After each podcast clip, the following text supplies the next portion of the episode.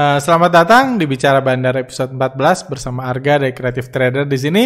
Seperti biasa dalam podcast minggu ini kita akan bahas mengenai pergerakan IHSG, juga kita akan melihat uh, perkembangan uh, apa uh, efek uh, efek dari second wave di beberapa negara dan perkembangan Nah, apa kondisi uh, penyebaran COVID-19 di Indonesia mempengaruhi IHSG juga kita akan melihat ada beberapa saham menarik. Juga nanti kita akan membahas mengenai uh, saham pizza kasus saham pizza yang bergerak cukup menarik yang dua kali auto reject bawah dalam dua hari terakhir minggu ini. Dan kurang lebih uh, bagaimana kita bisa membaca atau menganalisa pergerakan bandar yang sedang terjadi di saham pizza? Juga tentunya yang juga cukup hot sepanjang minggu ini adalah bandar yang mulai aktif lagi, bandar yang mulai dapat giliran jadwal manggung lagi, bergantian mereka menggerakkan sahamnya masing-masing, saham grupnya masing-masing, bergantian manggung dan itu tentunya sentimen positif buat kita-kita investor dan trader. Dan di di Amerika pun kalau kita lihat uh, ya Dow Jones terlepas dari COVID-19, efek COVID-19 yang terus membesar, yang menyebar dan mulai uh, mulai dengar berita mulai banyak rumah sakit yang penuh lagi. Uh, tapi uh, Dow Jones pun terus menguat kayak gitu. Jadi ini hal yang menarik kalau kita lihat fenomena munculnya second wave, pertumbuhan uh, ini uh, pertumbuh, uh, pertumbuhan kasus di Indonesia dan kekhawatiran akan bisnis yang ini apa ya kekhawatiran akan bisnis yang mungkin nggak uh, akan bisa balik lagi ke normal before COVID dan Uh, dan mungkin ini akan terus berlangsung sampai suatu hari nanti either didapatkannya herd immunity atau mayoritas orang tertular sudah tertular COVID-19 which is masih jauh karena dari 5 miliar penduduk uh, yang terkena tercatat baru sekitar berapa? 4 jutaan, 5 jutaan jadi masih sangat banyak kayak gitu atau ditemukannya vaksin. Jadi mungkin para market maker di seluruh dunia melihat oh ternyata uh, apa ya eh, orang-orang uh, di berbagai negara itu nggak cukup apa ya nggak cukup uh, sanggup untuk melakukan apa yang China lakukan dengan disiplin, dengan social distancing, pakai masker dan lain-lain. Banyak negara nggak sanggup, termasuk Amerika. Jadi kita sebagai orang Indonesia nggak harus terlalu minder karena orang Amerika juga ternyata keras kepala dan menghindari itu bahkan ikut demo yang akhirnya penyebaran second wave, mungkin inilah yang bisa jadi momentum bagi para bandar dan market maker saham yang sudah jelas-jelas memutuskan hubungan dengan kondisi real. Kalau di, di masa krisis yang kembali berlangsung, yang kembali mengkhawatirkan, eh, itu mungkin uh, diharapkan dana-dana segar baru yang mungkin yang buka kafe kok jadi tetap sepi ya mungkin mengalir lagi ke bursa saham. Itu yang kita lihat uh, beberapa ini terakhir dalam seminggu terakhir dan saya pribadi berharap itu masih berlangsung minggu depan. At least minggu depan masih terjadi ada banyak saham-saham yang dibangkitkan lagi oleh bandarnya dan itu membuka opportunity trading. Karena by the end of the day uh, kita nggak uh, bisa mengharapkan uh, uh, uh, harga saham tumbuh karena ekonomi yang membaik saat ini melihat kondisi real kayaknya terlalu inilah terlalu jauh untuk expect ekonomi akan kembali seperti before COVID itu masih terlalu jauh atau oh, perusahaan untungnya besar ngasih sentimen positif itu juga tampaknya masih jauh kayak gitu. Jadi harapan kita para investor dan para trader saham ya kembali lagi adalah bandar yang aktif lagi, aktif lagi memicu, menarik perhatian dana-dana yang mungkin sedang bingung di luar mau diapain untuk masuk ke bursa yang itu yang bisa kita manfaatkan. Seperti itu. Kalau kita lihat IHSG Minggu ini menguat, menguat terbatas ya disertai dengan uh, ini ya tentunya yang menarik adalah bandar yang mulai manggung lagi. Ini uh, ini broadcast kami beberapa hari yang lalu gitu. Kalau bagi yang follow Telegram kami, uh, kita lihat tentunya uh, jadwal manggung itu dimulai kalau nggak salah hari Senin atau hari Selasa itu hari Selasa lalu mulai bandar-bandar mulai manggung uh, eh, INKP dan Tekim yang pertama bangkit. Kami pagi-pagi langsung broadcast ketika saham-saham ini bangkit INKP dan Tekim ya kita tahu ini saham yang bandarnya sama. Uh, terus setelah itu uh, setelah itu besoknya kalau nggak salah saham-saham batu bara ya batu bara kalau nggak salah hari Rabu batu bara sore-sore tiba-tiba semua dikerek naik. Saham batu bara mungkin jadwal manggungnya baru dimulai sore-sore gitu. Uh, jadi tiba-tiba saham Adaro naik saham PTBA naik uh, saham apa ITMG juga naik kayak gitu. Beberapa saham batu bara coba Indi. Nah Indi juga terlihat grafiknya mirip-mirip semua karena memang uh, kita lihat Bandar Batubara manggung, besoknya Bandar Properti, Bandar Properti masuk uh, hari Kamis, uh, CTRA, SMRA. Tentu ini nggak ada hubungannya sama fundamental karena hubungan pergerakan harga saham memang sudah diputus dengan ini uh, CTRA, SMRA, BSDE gitu. Itu simply bandarnya yang uh, dapat jatah manggung dan terakhir saham ayam-ayaman kan, ayam cepin naik, Japfa naik hari Jumat, hari Japfa dan main juga sempat digoreng-goreng selama hari Jumat. Jadi ya kembali lagi kan kalau kita berharap penjualan properti naik masih panjang. Jadi yang uh, kita investor retail yang nggak bisa ngapa-ngapain ya harapan kita ya bandar pro, bandar properti akan berani goreng-goreng sahamnya terlepas dari yang nggak ada orang mau beli rumah gitu loh. Masih panjang sampai harga properti meroket lagi, orang ngincer properti lagi atau developer berani ngebangun uh, zona-zona uh, baru di tengah krisis yang nggak tahu akhirnya seperti apa. Jadi itu tentunya hal yang bisa kita syukuri bandar yang mulai manggung lagi di bursa-bursa saham dan ya kita nikmatin aja. Walaupun saya pribadi kalau kita lihat misalnya pergerakan bandarnya misalnya saham uh, main gitu dua hari terakhir itu belum melihat ada apa ya ada semangat yang besar untuk mengakumulasi dari bandar-bandarnya kalau Anda bisa menganalisa bandarmologi anda bisa lihat broker summary ini gitu. Yes, memang ada indikasi akumulasi yang belum selesai tapi nggak terlalu besar.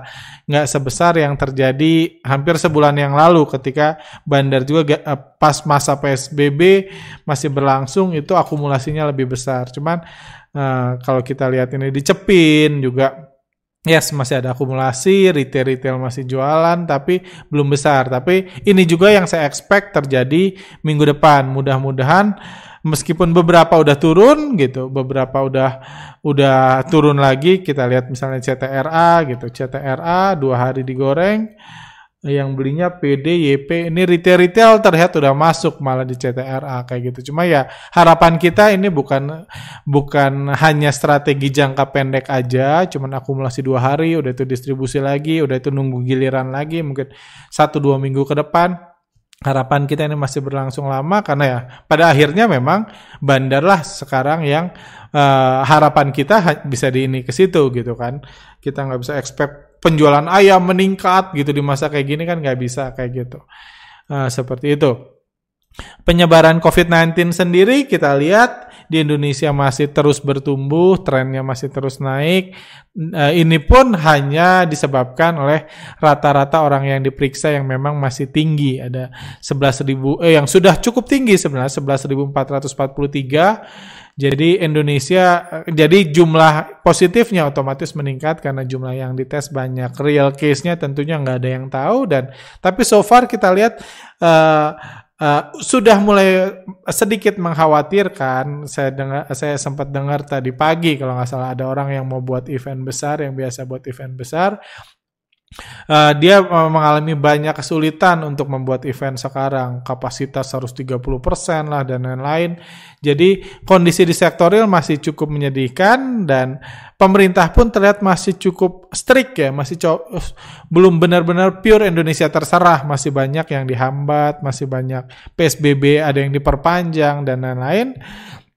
Uh, seperti itu jumlah orang yang diperiksa pun uh, oh ya tumbuh jadi uh, so far positive rate-nya masih sekitar 11%, 12%. Masih belum ada perubahan sebenarnya sama before PSBB, cuman mungkin uh, kalau ini memang menyebar mungkin 2 3 minggu depan ada langkah yang uh, kondisi yang krisis buat uh, uh, kondisi sektor real kayak gitu. Bursa saham mungkin akan uh, malah uh, apa bergerak positif kalau adanya PSBB lanjutan. Tapi tentunya kita berharap nggak terjadi seperti itu. Kayak gitu eh, seperti itu jumlah kasus di dunia juga terus masih terus meningkat. Eh, dan Kalau kita lihat uh, jumlah ini Indonesia so far masih dari sisi tes meskipun sudah 11.000 sehari uh, di peringkat 10 besar ini negara atau negara-negara yang 100 juta penduduk Indonesia masih kalah dari Pakistan bahkan kalah telak masih kalah lagi dari Bangladesh uh, hanya lebih baik dari Nigeria Uh, kalah dari Ethiopia, oh, oh menang dari Ethiopia, puji Tuhan, menang dari Ethiopia. Jumlah tes di Indonesia masih lebih banyak daripada Ethiopia per satu million population. Jadi kalau kita berbicara sektor real, kita lihat resikonya masih cukup real di luar sana. Resiko ada pembatasan, penutupan event-event atau penutupan mall itu masih ada, walaupun ya tentunya kita tahu ketakutan rakyat uh, ini ketakutan rakyat terhadap COVID-19 udah jauh berkurang, jadi mungkin mereka lebih prefer nggak apa-apalah kena juga daripada harus mall ditutup lagi. Cuma kita lihat intinya kalau di sektor real kita belum bisa expect ada berita-berita positif selama 2-3 bulan ke depan. Saya rasa belum ada vaksin perkembangannya cukup cepat, tapi mungkin paling cepat itu akhir tahun awal tahun depan baru mulai vaksinnya jadi kalau saya per lihat perkembangannya seperti itu. Jadi uh, so far dari sisi ekonomi masih kesulitan dan itu juga yang mungkin uh, dilihat oleh bandar setelah melihat kondisi sudah kondisi sektor real yang masih jauh dan tentunya orang yang punya dana segar pun akan mikir-mikir buat invest zaman sekarang. Mau diinvest di mana nih? Kayak gitu kan bingung. Eh, mau diinvest di mana, uang uang yang ada akan bingung disalurkan ke mana dan sepertinya market maker di dunia langkah jeniusnya adalah membuat bursa saham jadi saluran dana tersebut. Nah gitu, itu yang kita harapkan sebagai investor karena ya Ya kita tentunya berharap nggak kayak gini terus, berharap ada vaksin. Cuman kan itu di luar kendali kita dan masih lama. Uh, dan Uh, dan itu uh, apa kekhawatiran itu ya kita tunggu aja. Cuman dalam jangka pendek tentunya kalau bandarnya aktif lagi manggung, saham-saham bergerak lagi ada banyak opportunity yang bisa kita manfaatkan. Seperti itu. Hal lain mungkin uh, hal lain yang menarik adalah uh, kasus pizza, kasus saham pizza di mana kita lihat harga sahamnya terjun bebas beberapa hari terakhir ini didorong oleh berita tentang ininya NFC internasional kan.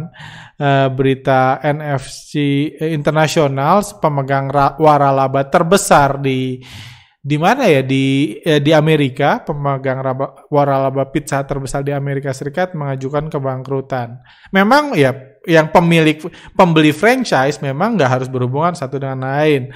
Uh, pizza di Indonesia pun sudah mengatakan nggak punya hubungan dengan uh, ini internasional, NFC internasional, tapi tentunya itu sentimen negatif yang menunjukkan parahnya kondisi di sektor real di Indonesia pun sudah ber, berulang kali kami bilang kita bisa expect itu terjadi, expect itu bisa terjadi di beberapa sektor. Apalagi kita tahu misalnya saham pizza dan banyak saham lainnya ketika toko-tokonya ditutup itu dikerek naik sama bandar. Ketika tokonya dibuka malah pelan-pelan kayaknya ada distribusi. Itu yang harus kita waspadai juga kayak gitu karena uh, mungkin ke, uh, ketika toko, toko tutup kan perusahaan nggak akan bangkrut, nggak akan ini dikerek naik kan untuk memutus hubungan antara sektor real dengan uh, uh, dengan harga sahamnya. Cuma sekarang ketika mereka mulai khawatir mungkin kondisi semakin parah, belum ada masa depan, mungkin mereka akan distribusi. Jadi harus waspada terhadap bisnis-bisnis yang impactnya kita sadari sangat besar. Yang kita nggak sadar ya nggak nggak tahu lah gitu kan. Cuma kalau bisnis retail, lifestyle, makanan itu impactnya tentunya sangat besar kayak gitu. Hal menarik lainnya adalah yang kami bahas di Instagram kami uh, adalah Uh, Pizza Hut itu uh, terlepas dari dikhawatirkan bangkrut, penyebaran ini, investor retail memborong besar-besaran saham Pizza Hut dalam dua hari terakhir ketika harga sahamnya turun auto reject hampir dua hari terakhir kayak gitu. Kita lihat kalau kita lihat di sini, kita coba sedikit analisa bandarmologinya. Di sini yang pak jual paling banyak BQ, jualan 8,7 M. Ini dua hari terakhir ketika harga sahamnya jatuh jatuh dua hari ini BQ jualan banyak Uh, BQ ini broker yang biasa dipakai bandar, tentunya ada LG juga jualan 63.000 lot, YU jualan 51.000 lot. Oke lah, bandar jualan karena perusahaannya terancam bangkrut atau tokonya sepi itu wajar. Tapi yang menarik adalah minat beli investor retail yang tampak sangat besar. Terlepas dari ada berita NFC bangkrut di Amerika, PD terlihat beli, YP beli, CC juga beli, ini Mandiri Sekuritas, IPOT, Mirai, BCA, ini Sinarmas, uh, Philip, uh, BNI, Panin dan lain-lain ini sekuritas-sekuritas retail semua beli. Jadi itu menandakan banyak yang sering nanya ke kami, kalau kami ngajarin bandarmologi di podcast, apakah retail jadi belajar, jadi mau ngikutin bandar semua? Oh, jangan salah, tenang aja. Kami ngajarin ini aja dibully di mana-mana karena bagaimanapun orang mengedukasi uh, mayoritas orang mengedukasi untuk melawan bandar bukan mengikuti bandar mungkin atau melawan asing biar nasionalis kan jadi fokusnya lebih ke nasionalis membantah bandar mulugi dan lain-lain daripada simply kalau saya kan fokusnya cuma cari untung saya nggak peduli saya ngikutin asing atau ngikutin lokal saya nggak peduli selama kalau saya lihat lebih mungkin ngikutin asing untung ngikutin asing ya saya ikutin asing. Gitu nggak nasionalis menguasai bursa saham di Indonesia dan lain menurut saya itu cara heb, cara ribet untuk cari untung dan untuk sebagai nasionalis pun ya better melakukan yang lain menurut saya. Kayak gitu. Jadi di sini pertama kita lihat retail-retail ngeborong terlepas ada berita kebangkrutan di US dan terlepas dari uh, berita kebangkrutan di US dan terlepas dari kami yang terus mengedukasi hati-hati kalau perusahaan tutup dan lain-lain hati-hati. Cuman kenyataannya retail borong. Tapi yang juga menarik perhatian di sini yang bisa kita jadikan pembelajaran itu kalau lihat secara ini secara funda, uh, secara foreign flow saham PZZA itu sorry PZZA Pizza ini ada inflow sangat besar. Inflow sangat besar ini pun menjebak banyak orang. Tapi itu juga yang mungkin saya mau share di sini. Hati-hati menggunakan analisa foreign flow. Analisa foreign flow hanya bisa digunakan di saham-saham yang dibandari asing. Dan nggak sehari pun, nggak sekalipun saya bilang saham foreign, saham pizza itu asing yang bandarin. Bukan, Sam Pizza nggak dibandarin asing. Partisipasinya cuma 28 persen, hari ter, uh, eh, 100 hari terakhir. Kepemilikannya juga uh, kepemilikan lokal di sini 71 persen. Jadi ini bukan saham yang dibandari asing, jadi mohon hati-hati, jangan uh, jangan ini aja, jangan kayak orang nggak ngerti semua di semua dianggap saham di bandari asing. Ba asing itu paling membandari 5 sampai 10% saham-saham di bursa kita. Memang asing yang atur IHSG, yes. Memang benar, ya asing yang mutusin IHSG mau naik kapan, mau turun kapan, memang itu benar. Itu nggak bisa dibantahkan lagi. Tapi itu bukan bukan berarti asing mengatur semua saham di Indonesia. Enggak Asing bukan berarti ngatur semua saham di Indonesia karena cukup mengendalikan 10-15 uh, saham dengan market cap terbesar di Indonesia aja asing udah bebas mutusin IHSG ke mana. Dan asing cuma fokus di saham-saham BCA, BRI, dan lain-lain. Jadi itu pembelajaran yang bisa kita dapatkan sini. Terus ada juga pertanyaan menarik yang sempat masuk. Kalau gitu, berarti uh, retailnya asing dong. Berarti asing itu retail. Apakah asing tolol gitu? Atau asing apa ini? Kayak gitu. Kenapa dia mau beli pizza? Karena kita tahu investor retail kayak kita nggak mungkin punya akun asing kan, seperti itu. Kalau kita lihat asing di sini, asing yang masuk adalah asing di Mandiri Sekuritas. Ini aja udah aneh. Dia beli 9 miliar uh, saham pizza, zaman kayak gini, tiba-tiba beli 9 miliar, sekuritasnya CC. Jadi inilah salah satu indikasi kalau ada investor asing. Hati-hati juga. Jadi saya berulang kali uh, mengajarkan kalau nggak bisa analisa foreign flow, mending nggak usah. Atau kalau mau gunakan analisa foreign flow, pakailah di saham-saham yang kami katakan di bandari asing. Nggak usah dengar ahli-ahli candlestick ngomongin foreign flow. Karena percaya sama saya di candlestick nggak ada data pergerakan asingnya itu cuma kotak aja, cuma beda-beda warna doang gitu. Jadi di pizza, jadi apa yang terjadi di balik CC Yang beli 9 miliar, kemarin uh, dua hari terakhir beli 9 miliar. Jadi CC inilah yang buat inflow besar di pizza ini kan. Inflow besar di pizza dua hari terakhir itu disebabkan oleh pembelian CC. Yang udah mana broker lokal tapi investornya asing. Kita lihat di sini. Nah, 9 miliar kalau di sistem foreign flow juga kita melihat ada pembelian 9 miliar yang mayoritas digunakan oleh broker CC. Ini broker mandiri sekuritas, tapi ini asing. Inilah yang biasa disebut asing. Saham-saham milik bandar lokal yang pakai akun F. Kan boleh kan? Kalau bandarnya punya istri kedua di Amerika, boleh dong. Atau istri kedua di Singapura aja, boleh dong punya akun, terus dia pakaiin beli saham. Boleh, bandar lokal boleh punya asing, boleh kok kayak gitu. Saya nggak mungkin terlalu panjang untuk saya jelaskan, cuman hati-hatilah menggunakan analisa foreign flow seperti itu. Kami sendiri di channel uh, di Instagram kami mengatakan retail-retail sedang ngeborong. Artinya saya bilang bandar lagi jualan. Bandar lagi jualan. Terus ngapain bandar ini beli? Jadi satu hal lagi yang mau saya ajarin uh, di podcast ini. Jadi kalau kita lihat misalnya pergerakan pizza. Ini buat pembelajaran aja. Hari terakhir deh, hari Jumat. Mumpung masih ada saham pizza, itu dia turun, naik. Turun, naik. Turun, naik. Turun, naik. Jadi sahamnya nggak kayak Indofood, nggak kayak ICBP, yang langsung ini, yang langsung terpuruk auto reject di bawah. Sahamnya naik turun, naik turun, naik turun. Jadi siapa yang naikin? Apakah retail? Bukan. Kalau Anda teliti, yang naikin itu Mandiri Sekuritas. F, yes F, tapi Mandiri Sekuritas naikin pizza. Ngapain dia naikin? Tujuannya satu. Karena kalau saham jatuh, langsung auto reject bawah, dibilang ada potensi ke bank, uh, uh, sementara di Amerika perusahaan sejenis menyatakan bangkrut, retail jadi takut. Kalau retail takut, retail nggak beli. Kalau retail nggak beli, bandarnya jualan ke siapa coba? Kan nggak works kan? Bandar harus jualan siapa kalau itu terjadi? Jadi apa yang dilakukan di sini adalah dia selain jualan pakai ini, selain jualan pakai BQ dan lain-lain, pakai BQ, LG, YU dan lain-lain, selain dia jualan, dia juga nyuruh rekannya untuk beli.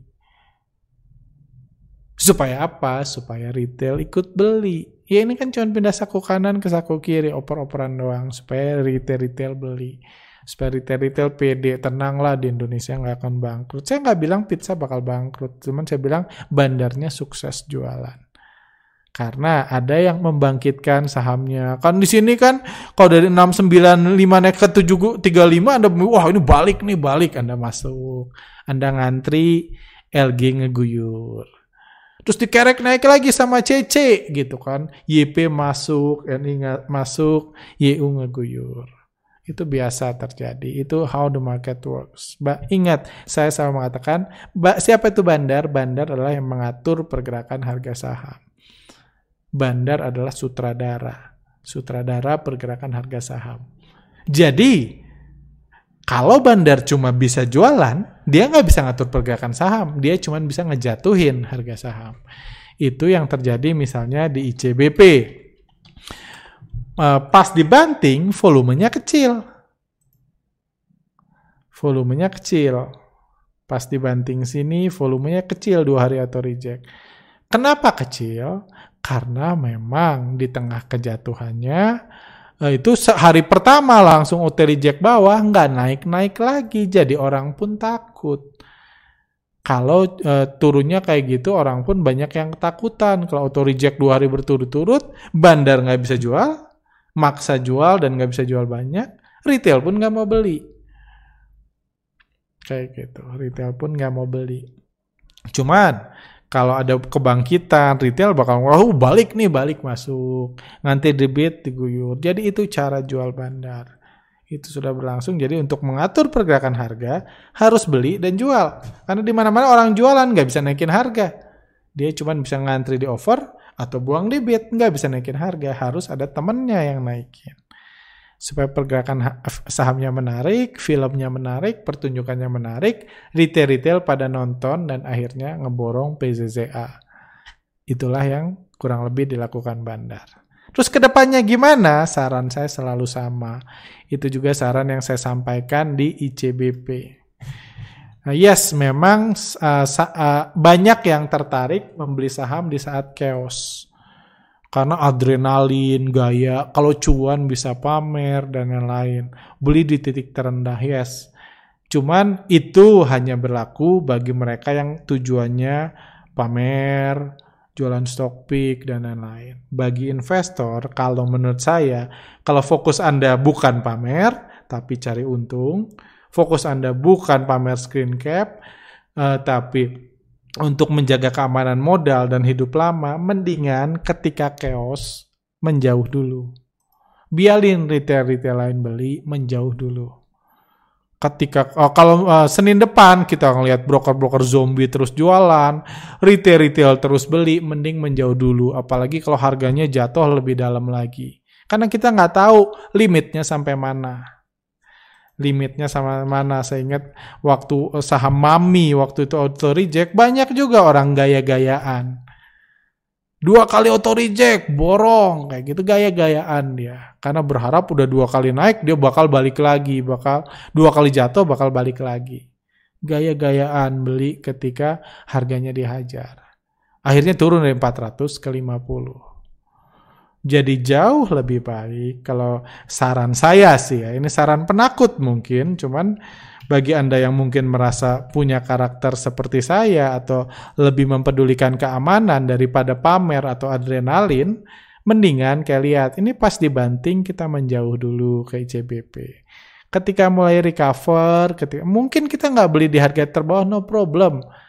Karena sekarang kita menarik beli di sini Kenapa? Karena kita udah tahu naik kan. Kalau kayak mami, sama aja pas jatuh, kita merasa tolol banget yang beli di sini ketika kita jauh. Jadi biarlah kondisi ini di mana bandar panik selling, apa pun sebabnya, biarlah bandar jualan dulu dengan damai, biarlah retail-retail lain dulu yang yang fokusnya anti bandarmologi, melawan bandar, melawan asing, biarlah mereka dulu yang beli, kita sih tunggu. Kalau memang minat, kalau nggak minat ya menjauh aja, tutup mata aja. Baru nanti ketika recover, baru kita masuk. Kalau mau masuk. Ketika pelan-pelan mereda, ketika bandar-bandar uh, broker-broker ajaib berhenti jualan dan lain-lain, baru kita masuk. Jangan termakan jebakan CC yang beli, asing yang beli. Karena pertama, ini bukan saham yang dibandari asing, ini bandar asing, yang ada di balik CC ini saya percaya ini bandar asing. Uh, cuman pura-pura aja buat bantu naikin harga. Kalau Anda perhatiin transaksinya juga banyak kenaikan ini disebabkan oleh CC. Jadi dia yang makan kanan biar naik. Itu pertama. Uh, kedua, kalau tunggulah kondisi mereda baru Anda beli. Kalau Anda melihat ini opportunity dan uh, ini ini opportunity yang menarik. Pertama, kalau Anda pengen beli saham ini, dan Anda peduli sama keselamatan modal Anda. Ketika chaos, ketika bandar jualan banyak, menjauh aja. Nanti ketika dia mulai berhenti belanja atau mulai ngumpulin lagi, barulah itu eh, kesempatan masuk. Karena pas eh, jatuh kayak gini kita nggak tahu bandar jualan sampai kapan. Ingat bandar mah bebas. Bandar mah bebas gitu. Mami dari 400 eh, bisa dari 400 dalam beberapa minggu turun ke 50 beli di sini kelihatan menarik, kelihatan kan. Kalau Anda mundur sampai 12.5, mungkin Anda akan tertarik juga untuk beli. Uh, kalau kayak gitu para uh, apa adrenalin junkie yang fokus pamer-pamer akan melihat wah ini menarik juga.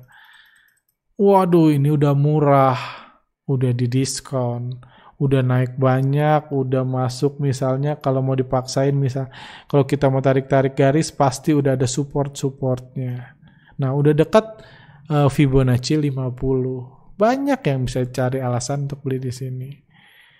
Tapi ketika bandar jualan, ingat uh, jualan bandar nggak nggak ada kewajibannya bandar stop ketika ada di Fibonacci 50 nggak ada ini juga ke Fibonacci 0 eh 100% nggak ada.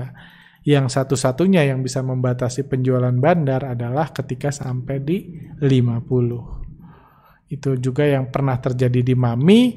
Saya sih mendingan Anda nggak dapet cuan, Uh, saya mendingan nyaran disalahin karena gara-gara lu gua nggak dapet cuan itu mending daripada saya nyarahin beli nyaranin beli tiba-tiba ke 50 terus gara-gara lu gue beli sekarang parkir di 50 saya nggak bilang pizza bakal ke 50 tapi itu bisa uh, ketika bandar jualan besar-besaran dan terus jualan apa pun sahamnya itu bisa terjadi. Jadi selama bandar jualan besar-besaran indikasinya seperti ini better stay out dulu. Seperti itu. Oke, okay, eh, terakhir uh, ini uh, thank you uh, buat ini. Saya mau berterima kasih lagi buat rekan-rekan yang udah ikut seminar. Uh, ini belajar saham dari nol lagi. Sebentar. Uh, belajar saham dari nol lagi, acaranya berlangsung sangat sukses, terkumpul uang yang sangat besar. Uh, 100 juta lebih kalau nggak salah. Uh, beberapa eh beberapa menit sebelum saya uh, buat podcast ini Uh, saya baru selesai ngobrol dengan salah satu ini, salah satu ketua yayasan yang cukup besar yang saya sangat respect untuk uh, membagikan ini. Jadi kami sudah mendapatkan satu daerah terpencil yang juga terkena impact COVID, terutama dari sisi ekonomi. Dan rencananya kita akan membantu mereka untuk bisa survive, bertahan hidup, dan kalau bisa memberikan sesuatu yang everlasting everlasting, uh, membangun sesuatu yang bisa mereka nikmati secepatnya tentunya karena krisisnya ini, tapi bisa bertahan terus-terusan. Bisa bertahan seterusnya, bisa mereka gunakan bahkan after COVID-19 dan membantu kehidupan dan kesehatan mereka. Detailnya mungkin next time saya share, tapi thank you banget yang sudah uh, ikut dalam seminar ini. Bahkan setelah saya lihat, nggak semua yang daftar seminar ikut seminar. Mungkin yang lain cuma pengen memberikan donasi. Saya sangat-sangat berterima kasih. Uh, saya pun uh, berencana uh, untuk menambahkan tentunya dari jumlah yang ada biar saya juga pengen ikut menabur kan, ikut menabur supaya bisa jadi berkat buat orang banyak. Thank you.